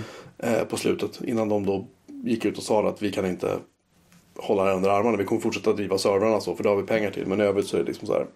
Nej, tyvärr liksom. Och det är väldigt, väldigt tråkigt. För jag gillar Appnet. Jag gillar liksom. De hade skitsnyggt webbmedsnitt. Lite nybyggaranda. Det var lite spännande att vara med från början. Ja, och så så hade vidare, rätt, så vidare. rätt inställning på något sätt också. Ja, och det är liksom inga annonser. Vi säljer inte din information. Man kan säga att det var sociala nätverkens motsvarighet till DuckDuckGo. Liksom. Ja, ja just det. det, det Din information är din information. Vi tänker inte. Nej, Så jag tycker det, jag, lite grann sitter jag och håller en tumme för att Twitter gör någonting. Så att man fakt, exempelvis förbjuder tredjepartsklienterna fullt ut. Nu har de sagt att de ska samarbeta mer med tredjepartsutvecklarna, vilket är jättebra. Mm. Men säg att de potentiellt skulle förbjuda alla tredjepartsklienter. ja. För att göra sina, få upp, få upp sina annons. För skulle de göra det skulle deras annonsvisningssiffror bli garanterat bli bättre. Men jag tror att sådana som du och jag skulle nog kanske inte ens stanna. Nej, men det är väl det. vi, vi som har envisats med Twitter längre, vi, vi, är ju invana på den gamla Twitter-upplevelsen som var innan de, kom på, innan de behövde tjäna pengar på det. Och det som är så jobbigt är att den upplevelsen han bli så, så väldigt renodlad så att alla förändringar man sen gör för att tjäna pengar blir automatiskt till något sämre. Ja, jag är glad över att, att eh, uh, Tweetbot ännu inte har lagt in annonsvisningar och sånt. Ja, verkligen. Men, men sagt, jag tror att, eller jag vet att för min del att skulle de börja kräva att, att man använder den officiella klienten då, då kommer jag att kliva. Jag har, jag har haft ett Twitterkonto sedan 2007. Eh, och jag kan ärligt säga att jag, kom, jag skulle inte sakna det. Om jag var tvungen. Om det skulle bli så liksom. Nej, men man, man gör en del saker via Twitter, men det är inget av det som är så viktigt. Egentligen. Nej, eller säg så här. Vad händer, vad händer om de helt plötsligt börjar injekta liksom, annonslänkar i folks tweets? Liksom? Det är ingen som säger att de inte kan göra det. Nej, Vi betalar ju ingenting för det. nej det, det är sant. Det är deras tjänst. Jag, jag vet inte. Twitter är ett mysterium. Och, och sagt, om de blir uppköpta eller om de liksom klarar sig själva på något sätt. Eller om de kanske konkar eller jag vet inte vad. Men det är- det är omöjligt att svara på vad, vad, det ska bli av Twitter. Ja, jag undrar hur långt ifrån de är att gå med vinst. Om, om det var någon liksom gick in helt för det. De har ju sparkat. Sparkade inte han en massa människor det första gången? De sparkade de 800 gjorde. man eller någonting. Ja, ja. Bara det att det fanns 800 att sparka. Så här, ja, okej. Hur mycket folk Jag jag- driva det känns det. Ja, jag vet inte hur många de är, men de är ju liksom, det är jättemånga. Liksom. Ja. Måste det vara. Ja, vad- vad gör allihopa? Ingen aning. Nej. För det märks inte. Nej, men, nej, men visst gör det inte det. det, känns, det är så, precis så känns det ju. Alltså, Men- det är en massa folk här. Vad gör de? Men kan, kan inte det bero på att det är för att vi använder tredjepartsklienterna? Men det kanske är Vi så. ser, vi ser ju inte allt det här andra lullullet som de gör. Nej, nej, men hur mycket lullull finns det? Man går in på twitter.com och så här, mhm, ja, det känns inte som att det sitter 800 man bakom den här. Du, Ja. jag, jag vet vem som skulle köpa Twitter. Oh, Microsoft. Ja, ja men det hade, det hade kunnat hända. De skulle, de skulle låta det vara. De skulle få lite hip-faktor. eh, lite mer liksom nördcred eller kalla det vad du vill. Och de skulle få liksom få in 300 miljoner användare som de sen kan sakta men säkert säga att jo men nu ska du inte ha så här, eh, allt upp en com-mail. och, Mm. Så, här, du kan logga in med ditt Microsoft-konto ungefär som Mm. du gjorde med Skype. Liksom. Ja. Där kan jag nog tänka mig att det skulle funka. De har Ja. stålar till det. De har ju garanterat stålarna för att köpa. Ja, ja men de har, lite, de har lite erfarenhet av att driva tjänster och sånt där också. Ja, De har, de har ganska bra uthållighet på rätt många grejer. ja, ja. Alltså de, ja, ja, ja gud, de är långsiktiga liksom. Mm. Nej, men det, jag, jag skulle säga Microsoft. Ja, men det, mm. Jag kan tro på Facebook också. Men, Fast jag tror inte det, därför att Facebook, nej, nej, okej, inte att, de, inte att de vill göra det, men att de, de, de skulle kunna vara en liksom rimlig köpare. vill vill de nog, men jag tror inte de Ja. får. Nej, okej. Jag tror inte att de får, för att det skulle ju i sådana fall bli att de två största sociala nätverken skulle hamna hos samma ägare. Ja, ja, i och för sig. Det kanske. Eller i och för sig, Instagram är ju faktiskt, om man nu skulle se det som ett socialt nätverk, så de, är över en miljard användare. Så Ja. de är betydligt större än Twitter. Men Twitter är ju ack så mycket mer viktigt liksom. I och med att det är Ja, snabbare. det har en annan närvaro. Ja. Så det är det jag tror att, jag tror att inte de skulle få igenom det faktiskt. Jag tror det skulle bli svårt. Eh, men men. Eh, så att, eh, sorry John, jag tror att du har fel. Apple kommer inte köpa Twitter. Nej, på tal om att uttrycka här, vi, har, vi har en annan åsikt här. Så här, Eh, ja, så här det, vi. vi respekterar alla åsikter här. Japp. I synnerhet våra egna. Ja, ib- ibland respekterar vi nog egen åsikt. Inte varje dag. Men du Fredrik, vad ska det bli av Apple då? Eh, Jag tror att de kanske ska börja baka bröd. Vad ska det bli av Apple? Seriöst. Tänk, tänk- tänk, dig den dagen. Nu, nu sägs att, det ska komma med, att de ska komma ut med en 5 SE. SE. Ja. Som då ska vara en 4 tums telefon va? Ungefär, det ska vara en storlek, samma storlek som iPhone 5. Mm. Men det ska vara med en A8 processor eller vad det nu är. Och Touch ID och den kommer kanske ha Apple Pay och lite sådär. Ja, en iPhone 6 på insidan ungefär. Ja, lite så. Ja, Och då tar de fram en telefon som är billigare för att täcka upp den delen av marknaden som de hittills inte har kunnat täcka upp. Men jag satt och tänkte på det också. Jag satt och tänkte på det i bilen idag. Jag tänkte så här, men när de har täckt upp marknaden och liksom kränkt. För nu känns det som att de liksom de pumpar varje kvartal, de pumpar varje år nu. Liksom, Ja. med, med nya produkter, med nya sätt att köpa iPhone på. Med, ja, med det här um, uppgraderingsprogrammet som de har, som Apple har i USA. Och, men vad händer när, liksom, när de någon gång kommer de att köra i taket? De kan ju inte fortsätta växa i all... Ingenting varar ju för evigt. Så är det ju nej, bara. nej, men de har ju gått ut och aviserat att eh, de tror väl att eh, tillväxt, tillväxten ska minska i alla fall. Ja, näst, i nästa kvartal. ja, ja just. Men sen har de inte gett någon sån här uh, guidance eller någon sorts prognos på kommande kvartal efter det. Därför att då skulle de på något sätt kunna avslöja att det kommer en telefon med en ny telefon eller telefon R som på något sätt skulle markant skilja sig från de modeller vi har idag. Det är självklart vill de inte göra. Så att Nej. därför så tror jag jag, jag tror personligen att när de släpper iPhone 7 så kommer de att kränga jättemånga igen. Men det kan inte pågå i all framtid. För de håller Nej, ju samtidigt på och de öppnar upp nya marknader. De kallar de här så kallade BRIC-länderna. Men det talas om det. Där det är Ja, det. Brasil, Indien, China. Ry- Ryssland. Eh, ja just det. Brasilien, Ryssland, Indien och Kina. Tror ja, jag det. blir det. Det. Där finns ju liksom hundratals miljoner människor. För att inte tala om Afrika en vacker dag. Ja, en hel visst. kontinent med människor som, som potentiellt kan bli iPhone-ägare en vacker dag. Ja, jo, det finns ju några stycken. Eh, och det ligger jättelångt fram i tiden. Så att det, liksom, det, kanske kan pågå fem år till, tio år till det här. Ja, visst. Men någon gång kommer de att slå i taket. Och vad ska de göra då? När de helt plötsligt, lite grann som Twitter kanske som vi pratade om nyss, kanske ligger kvar ungefär samma siffror år efter år efter år. Så de växer inte och de krymper inte. De drar fortfarande in bra stålar. Det kommer de alltid göra. Men vad ska de göra då? Är det Ja. bilen? Om det nu finns en bil. Är det klockan? Jag tror inte klockan kommer att rädda hela Apple. Rädda. Nej.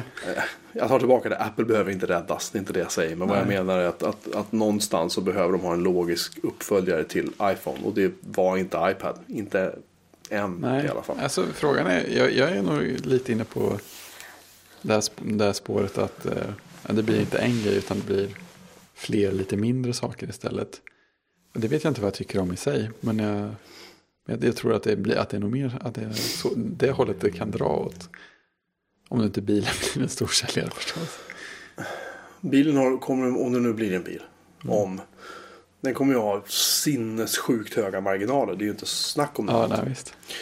Men hur många som har råd att köpa den? När det, ja, nej jag vet inte. Den kommer nog få Tesla att framstå som billig liksom.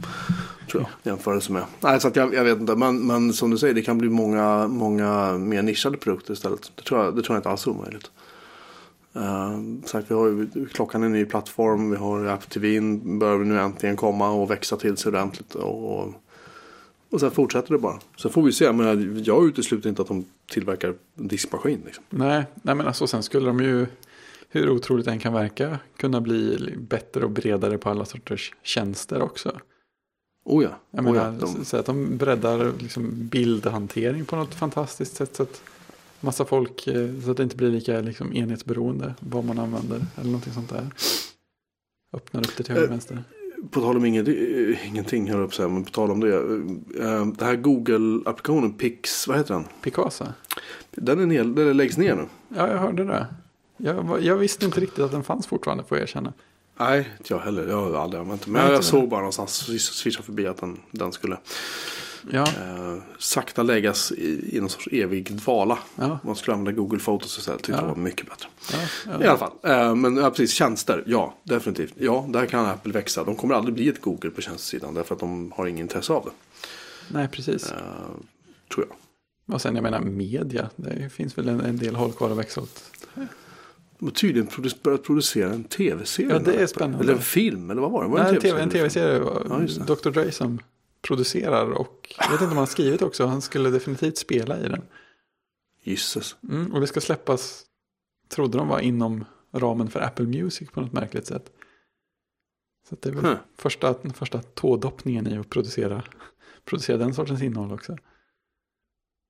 Ja, det kan ju bli spännande. Det kan ju bli väldigt spännande. Ja, men om de hade problem att få avtal med mediebolagen innan så kanske det inte blir lättare att man börjar göra egna grejer också. Apple kanske köper Netflix. Ja, det hade jag inte, inte blivit superförvånad över tror jag. Nej, jag tror inte det heller. Jag tror att det, det är nog görbart. Kan de köpa Beats liksom. Ja, just det. Så kan de nog köpa, ja, vem vet. Jag tror inte att det är någon fara för Apple. Det var väl någon som sa att de kan ju, de kan ju lägga ner hela verksamheten idag och inte tjäna pengar på 15 år än och överleva med alla anställda som de har. Ja, precis. 60-70 000 anställda. Så att, Jag, jag tycker att det var ett häftigt om... Jag jag började tänka på det när de... eh, Det var några år sedan som de första gången gav aktieutdelning va? Och sen började de också köpa tillbaka aktier. Jag, tyckte, jag tyckte det var en häftig tanke om Apple hade köpt tillbaka alla sina aktier och gått och blivit privatägt igen. Och så bara, nu, nu gör vi precis som vi själva vill. jag skulle inte hålla det för helt otroligt att de faktiskt kommer att göra det. På sikt. Jag, alltså, jag skrev om det där för kan det vara ett år sedan, två år sedan så skrev jag liksom att det är dags att Apple kliver av börsen nu. Därför att Apple lider av dessa, alltså analys, analys vad heter de? Analytikerna. Analytikerna, Ja. tack. Med deras, deras liksom profetier och, och som sen alltid slår fel. Därför att Ja, ja de, visst. Och så, de fattar ju inte Apple liksom. Och, och även om Apple säljer och slår vinstrekord så bara ja men vi hade tänkt att vi skulle dra in så här någon miljon till så det så att nej nu, nej, Nej, nu drar vi säng, nu jävla sänker vi ja, kursen. här. då gör Apple dödsdömda igen och Ja. igen och igen och igen. Typ så.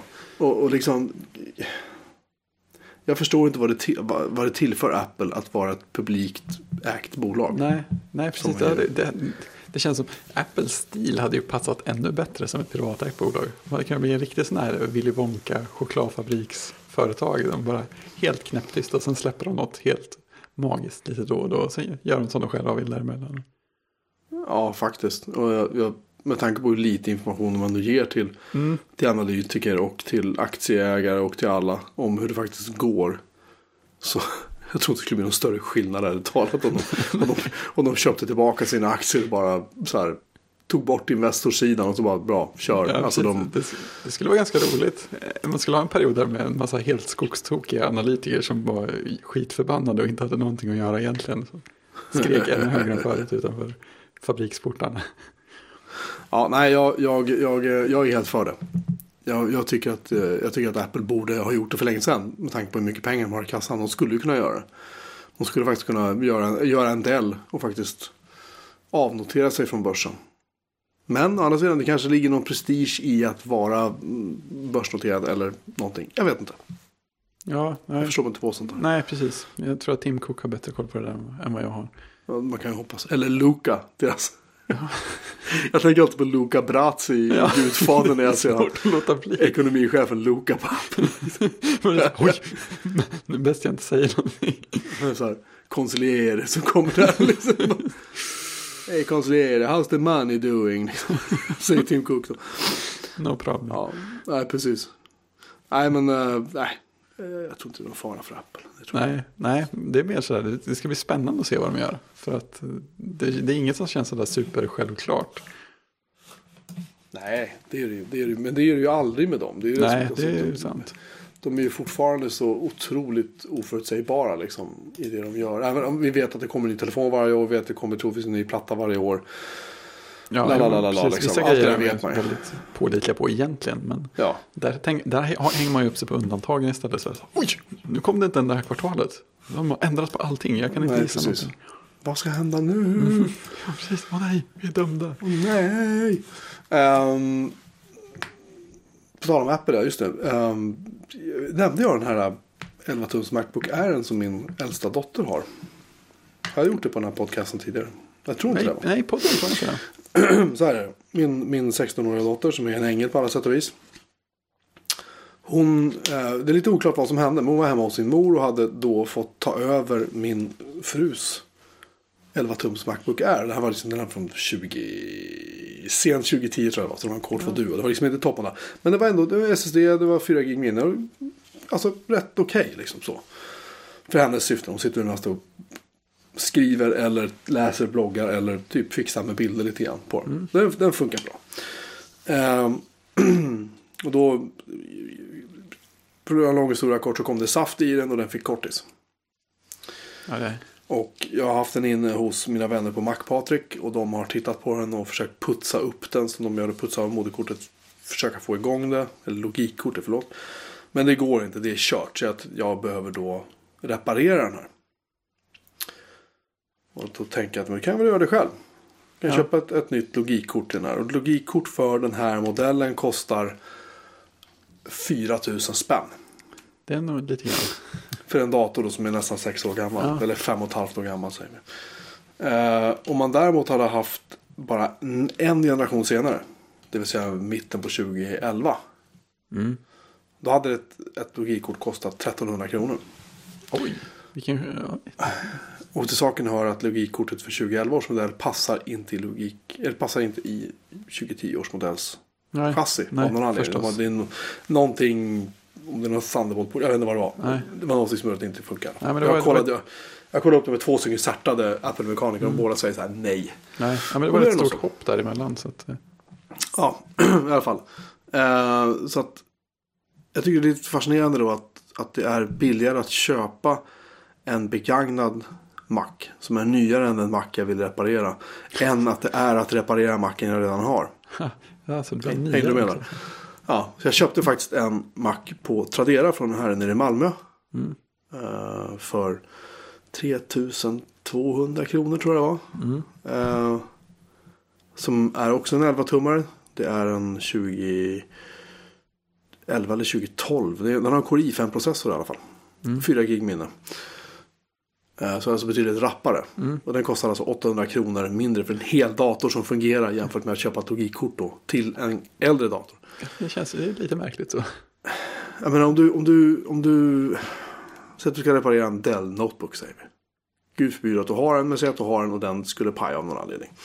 Om du då skulle liksom behöva byta då moderkortet till den. Det kostar inte 4000 spänn, det kan jag garantera dig. Du skulle liksom kunna köpa Antingen köpa en begagnad och byta själv eller gå till någon Dell-människa och säga tja kan ni fixa det här. Eller kanske mer realistiskt att den faktiskt inte är värd att reparera överhuvudtaget om den är så pass gammal. Men du, men du förstår min poäng. Förstår Japp, liksom att, japp. att reservdelspriserna på de här grejerna är, ju- det är helt hysteriskt. Ja, men det är ju en baksida med hur mycket specialgrejer Apple har i sina datorer. De kan specialtillverka varenda komponent så att den passar perfekt. Men Ja. då är det hopplöst att byta dem också, för det finns bara dem. Och nu tillverkas den inte längre, så då tillverkas det inga nya sådana. Det finns väl en anledning till att när du går in i, liksom, i en Apple Store och säger tja, eh, jag har krossat glas på min telefon. Absolut, det kostar så här mycket. Mm.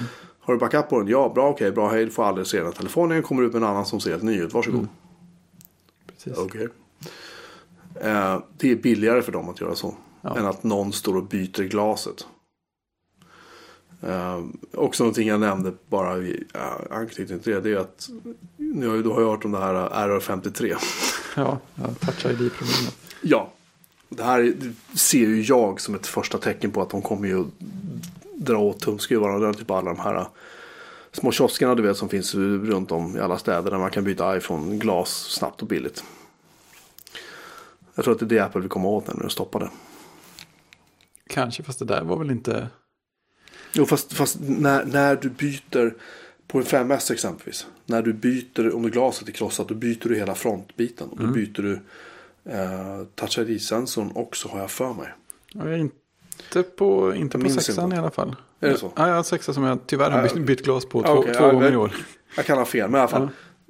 Jag tar tillbaka det. Säg så här att den går sönder och du behöver byta den. Eller säg att någonting händer och du behöver byta den. Då så kan du ju inte göra det på någon annanstans än på en auktoriserad verkstad eller hos Apple. Nej, det är som moderna tänkte- bilar. Ja, jag tror, jag tror i alla fall att det här är första steget till att de försöker i sedvanlig Apple-tradition skruva åt det här och tajta till det och se till att utomstående liksom inte kommer. Skulle få nästa telefonen typ igensvetsat liksom. Så du kanske inte ens kan öppna den. Du kanske bara kan stoppa i ett simkort. Om ens det. Det kanske är mjukvaru-sim i nästa modell av iPhone. Ja. Du kanske inte ens stoppar i ett sim längre. Nej, den bilen skulle jag inte ha så mycket emot. I och för sig. Jag skulle inte ha något problem med det heller. Men Nej, nej men jag förstår förstår, du förstår vad jag menar. Ja, Inga skruvar, ingenting liksom. Och det kände jag när jag satte SSD i min eh, 2011 Mac Mini. Just det. Att det, det var ju väldigt tajt och liksom pyssligt sådär. Men det var ju, Kände, kände du lite busig då? nej, mer sådär, jag hoppas inte tappa ner en skruv här så att den försvinner för all framtid. men, men det man kände i alla fall var att även om det var väldigt tajt och liksom pyssligt och så, här, så var det var ju fortfarande definitivt gjort för att en människa med rätt skruvmejslar skulle kunna göra det. Med vanliga händer och sådär. Så det var ändå, det var ändå liksom på hitsidan gränsen. Det var mer så här att ja, det här är väldigt elegant och effektivt hoppackat. Men det är ändå definitivt gjort så att man ska kunna ta isär det igen och liksom byta ut en bit när man behöver det. Det har inte passerat den där gränsen där man liksom börjar klistra ihop allting och kräver eh, en, en robot i ett vibrationsfritt rum för att plocka loss grejer om det skulle behövas. Nej, men, ponera att de skulle göra det. Ponera att de skulle göra ehm, telefonerna som de gör iMacs. Det enda sättet att öppna den är att ta loss glaset med något särskilt medel och särskilda verktyg. Det enda sättet du kan komma in i telefonen. Säg att du inte behöver stoppa in ett simkort längre. Det finns ingen anledning att öppna telefonen egentligen. Och förutom att du kanske måste då om du ska reparera den. Vilket de ju inte gör. De tar ju isär den, tar bort alla hela delar. Sen skrotar de i resten. Det som är trasigt slänger de. Sen återanvänder de resten. De polerar upp de gamla chassierna så att de blir som nya igen.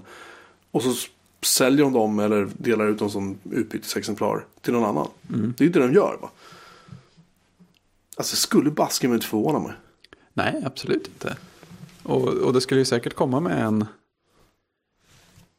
vad ska man säga, en, eh, en uppsida att telefonen i sig blir ännu tajtare, lite smalare, lite lättare och lite mer solid för att det, allting är ännu mer tätt packat. Och, Ja, sådär. inte? Så att man skulle, man skulle säkert inte känna det som, en, som, en ren, som ett rent steg neråt heller i övrigt. Kan jag tänka mig. Man har ju inget val egentligen. Nej, precis. Och det blir ju liksom färre skarvar överallt och de är jämnare och finare. Kanske lite halkigare att hålla i, vem vet. Nu kan du köpa det batterifodral. Då, kan du, då tappar du en nej, just aldrig. det. Det är kanske det jag borde göra. Ja, nej, i alla fall. Vi vi får se. iPhone 7 släpps väl i Höst. ja, efter sommaren va? Ja. Augusti brukar de presentera som september. Eller om det är september att presentera så kommer den i oktober. Jag kommer inte ihåg. men det är någonstans där. September låter, det låter rätt på något sätt. Ja, det är någonstans där. Som om min tidsuppfattning betyder något. Du har bättre tidsfattning än vad jag har i alla fall. Jag skulle inte sätta Ehm. några pengar på det. Vet att jag upptäckte att jag har börjat få, få gråa skäggstrån. Ja, grattis. Är man gam- då är man gammal va? Ja, man Mina blir- barn har börjat hitta gråa hår på mitt huvud. Man börjar bli vuxen tror jag. Åh, gud. Ja. Det, det, det blir ett extra spår för någon annan gång. Jo- Jokes ångest. Delad ångest är dubbelångest. Nej, Åldersångest. Jag ska starta en podcast som heter Åldersångest. Antingen skulle få inga lyssnare eller också till- jättemånga lyssnare. Avsnitt 16 av Åldersångest. Hur är det? Har du ångest idag? Ja, nej, idag, idag är det tungt. Är det tungt alltså? Ja, idag, idag är det... Nej, det känns, känns inget bra. Okej, berätta mer. Varför? Nej, du vet, det, det, jag vaknade i morse och kände att idag, idag är det motlut. Alltså. Ja, men hur menar du då? Alltså, jag hittade lite mer gråa hår. Ja. Oj, oj, oj, oj, oj. Och så är det liksom tre timmar av det. Tror det skulle bli en hit. Varje vecka. Det är väl, det är väl som, det är som Värvet fast liksom, jag vet inte. Jag har aldrig hört på Värvet, jag har ingen aning. Men jag bara gissar. Nej, vär- Värvet är inte så tokigt. Jag, är inte så, jag lyssnade ett tag. Det, det, man kanske når sin dos på något sätt. Men det, Don't believe the hype. nej, det, ja, men det håller jag helt med om. Men Eh, sista saken på vår lista. Gud vad vi avhandlar mycket saker idag. Vi, Ja. vi är så här. Känns som vi har startat en podd. en riktig podd. Ja, det, det, är Det är inte meningen. Vet inte vad det. Ehm, det har ju nu, nu har du igår så avslöjades det. Att Apple ska öppna en, en flaggskeppsbutik inne i centrala Stockholm. Äntligen. Äntligen. Om två år sägs det här ska vara klart. Eh, och det visar sig att Apple köpte en fastighet som heter 7 sekel 1. Namnet är ju fantastiskt. Säger inte någon någonting. Men Nej, jag säger att det är TGI Fridays har en restaurang som ligger där precis nere i vid foten av Kungsträdgården. Norra änden av Kungsträdgården. Där finns det en väldigt en fruktansvärt ful kåk på 750 kvadratmeter. Ja. Som Apple har köpt. Ja. Och helt sonika kommer det jämna med marken. Ja, det blir fint. Ja, och det har ryktats om det här i åratal att de ska öppna butiken i stan. Det har man ju hört från, från både höger och vänster. Det har gått rykten om att de ska öppna på Sergels torg. Det har gått rykten om att de ska öppna lite här och var. Eh, Sergels torg stämmer inte, så mycket vet jag nu. Men det är man däremot är hyfsat säker på att de, eller det jag har hört i alla fall från Apple-håll, är att de förhandlade med NK om att ta över hela bottenvåningen på NK. Wow. Eh, och det gick inte. Nej. Och sen, sen fick de fokus på den här, butik, den här byggnaden då där TGI Fridays har sin. Och där de hållit på och käftat om sen typ 2012. Tror jag. Oj, de oj, hållit på och förhandlat om det här. Snacka om långkörare. Ja, och till slut så visade det sig att både eh, Stadsbyggnadskontoret i Stockholm och eh, Handelskammaren.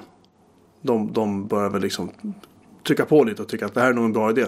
Just därför att när Apple öppnar en butik någonstans så tydligen så driver det upp trafiken in i kringliggande butiker så pass mycket så att det är, liksom, det är värt att i princip ge Apple marken. Och liksom bygga huset, och inte för att de skulle låta någon annan göra det, men de skulle i princip kunna bekosta byggnaden av butiken. Bara för att det kommer generera så mycket intäkter till alla andra butiker som Ja, ligger intill. Och det är intressant nog är det så att den här eh, byggnaden då som kommer att rivas, där den här butiken kommer att ligga, ligger alltså kan det vara 50 meter från ingången till gallerian som är den största gallerian i, inne i stan, inne på Hamngatan. Eh, det tycker jag är lite spännande. Ja, det är ett fräckt Ja. läge. Minst sagt. Ja. Och eh, det kommer att vara en utställning på Kulturhuset i Stockholm. Eh, från och med den 20 februari till och med den 5 mars. Vill jag minnas. Det låter rätt, ja. Eh, så det kan ju bli, jag får se om jag hinner åka in faktiskt och titta på det. Jag ska försöka. Ja, det är lite spännande att se. Det är en fin sån där konceptbild eller vad man ska säga som ligger. Ja, eh, den, den visar ju ändå liksom hur det ser ut. Ja, längs, med, längs med eh, parken där inne i uh, Kungsträdgården. Ja, det är rätt Så att. Alltså. Det jag tror är att det kommer att bli en enplansbyggnad. Det kommer inte bli en så stor glaskub. Det kommer inte vara någon källare där de borrar sig ner och liksom har 40 våningar. Jag tror inte att det kommer bli något sånt. Jag, tror- jag tror det kommer att bli det kommer att bli så här Dr. Evils så här, Evil Lair han har under marken. Där de, Man kan väl få hoppas lite. En ja, sån eyelair. kan man väl allt för. Ehm, Apple lair. I alla fall. Jag tror att eh, det är så att de kommer att få nöja sig med en enplansbyggnad som kommer att vara större än vad den nuvarande byggnaden är. På alla håll och kanter. Men den kommer fortfarande ha glas tydligen i båda ändarna. Så att det, man kan se igenom byggnaden. Så man ser då fontänen och allting som är på andra sidan Kungsträdgården. Då. Ja, det blir, det blir häftigt. Det, kän, det känns ju väldigt i linje med Apple-butiker sådär överlag. Ja, och det är liksom lite kul att de satsar in i stan. Ja, det har ju känts väldigt konstigt så här långt. Var butikerna har legat. Det, det jag funderar på är då att om man, om man tänker sig om man tänker sig Kungsträdgården. Så tänker man sig att det ligger då en, eh, ska vi räkna, en återförsäljare på Kungsgatan, en på Sveavägen, en på Birger Jarlsgatan. En i... Har jag glömt något nu? Sen ligger det ytterligare någon inte långt därifrån. Och så, alltså det, summa summarum, det finns, det, finns, det finns otroligt många fristående Apple-återförsäljare. Ja. Eh, I Stockholms innerstad. Som in, alltså är, vi pratar ett kärringkast från där Apple tänker bygga sin den här flaggskeppsbutiken. Då. Och vad jag har hört är att åtminstone så kommer två butiker att stänga. Tvingas stänga ett år efter att Apple har öppnat. Ja. Alltså av rena vinstskäl. Eh, Apple har som regel.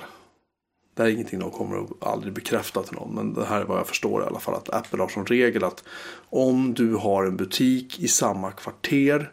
Eller i samma köpcentrum där Apple öppnar. Så har du ett år på dig att stänga din butik och dra därifrån. Det, är det, det, är liksom det, det ingår i avtalet att bli en, en sån här APR eller vad det kallas för. En Apple-återförsäljare, reseller helt enkelt. Sen blir man av med sin licens typ. Om du inte flyttar så blir ja. det ja. Då kommer mm. du inte få någon, garanterat inte få någon leverans av datorer ja, exempelvis. Um, det är så jag förstår att det funkar. Ja, okay. Så. Uh, detta om detta. Den här butiken kommer att, att smackas upp. Så två år ska den stå klar tydligen. Ja. Den som lever får se. Mm -hmm. uh, och den ska bli rolig att se när den blir klar. Ja, det kommer, det kommer säkert vara massor med folk. Det kommer vara jättehysterisk invigning och lalala. Uh, min god vän uh, Petter som tidigare var PR-chef på Apple. Han, han skrev i en grupp på Facebook att Tack gode gud att jag inte är PR-chef där längre. Typ. För han tycker att det var ganska ja, jobbigt att hantera, ja. hantera det här. Hela det här uh, mankemanget runt uh, öppningen av de här butikerna. Och jag förstår det. Alltså, ja. Ja, man kan tro det blir så mycket. I princip så handlar det om att Apple har, ställer väldigt höga krav på att det ska komma dit. De viktigaste medierna ska komma till de här invigningarna. Och de ska väl i princip då skriva det Apple gärna ser att de skriver. Ja. Att det ska vara en positiv story. Utan att Apple egentligen berättar någonting om butiken, vad den har kostat, hur många som jobbar där. Vet, hur mycket de tror att de kommer att omsätta. Sådana saker som andra kanske pratar om. Det gör ju traditionellt inte Apple då. Utan då, då är de ju tysta. Och då är det inte så mycket mer att skriva om. Egentligen om man är svensk media. Liksom. Nej, så att, inte det. så att jag, jag, jag, kan tänka mig att, att, uh, att uh, det kan bli en utmaning. Men det här kan ju också bli en sån här riktigt schysst liksom, landmärke. Eller vad säger man? Alltså det kan bli så en, ja, ja, nästan det... en sightseeing till för att se den här butiken. Så jag tror att det kan bli positivt. Väldigt positivt. Ja men absolut.